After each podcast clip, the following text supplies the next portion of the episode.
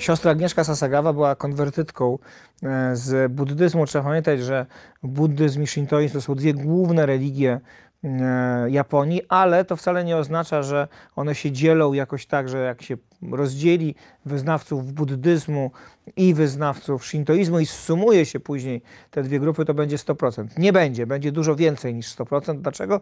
Dlatego, że ludzie deklarują się zarówno jako shintoiści, jak i buddyści. Siostra Agnieszka wychowała się w rodzinie buddyjskiej, japońskiej. Był- Od początku, od dziecka była bardzo chorowita.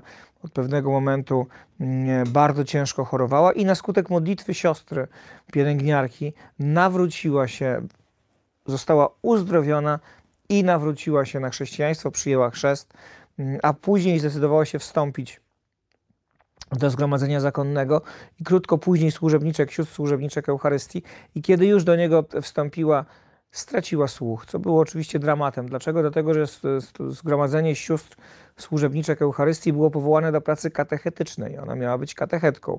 No, głucha katechetka w Japonii jest nikomu do niczego niepotrzebna, ale biskup Ito, który sprawował wówczas opiekę nad zakonem, nad zgromadzeniem, powiedział, niech siostra zostanie, będzie siostra adorować Najświętszy Sakrament w intencji tego, żeby siostry jak najlepiej pracowały. I tak się stało.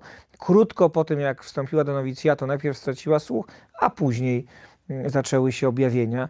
Em, Objawienia bardzo mocne, najpierw eucharystyczne, światłość bijąca od Najświętszego Sakramentu, a później objawienia maryjne z bardzo silnym przesłaniem. Siostra Agnieszka niektórych sformułowań, których Matka Boża używała, nie rozumiała. Nie wiedziała na przykład, kim są kardynałowie. Kiedy powtarzała biskupowi, to zadała mu pytanie, kto to są kardynałowie, on jej dopiero musiał wyjaśnić. Co to uświadamia? To uświadamia po pierwsze, że Matka Boża objawia się na marginesie, na peryferiach, ale po drugie, że wybrała wizjonerkę, która nie mogła sobie wymyśleć tych objawień. Ona nawet nie znała słów, które Maryja używała, nie znała kontekstu sytuacyjnego Kościoła na Zachodzie, to były lata mm, 70., mm, więc nie mogła tego wymyśleć, musiała mieć to objawione.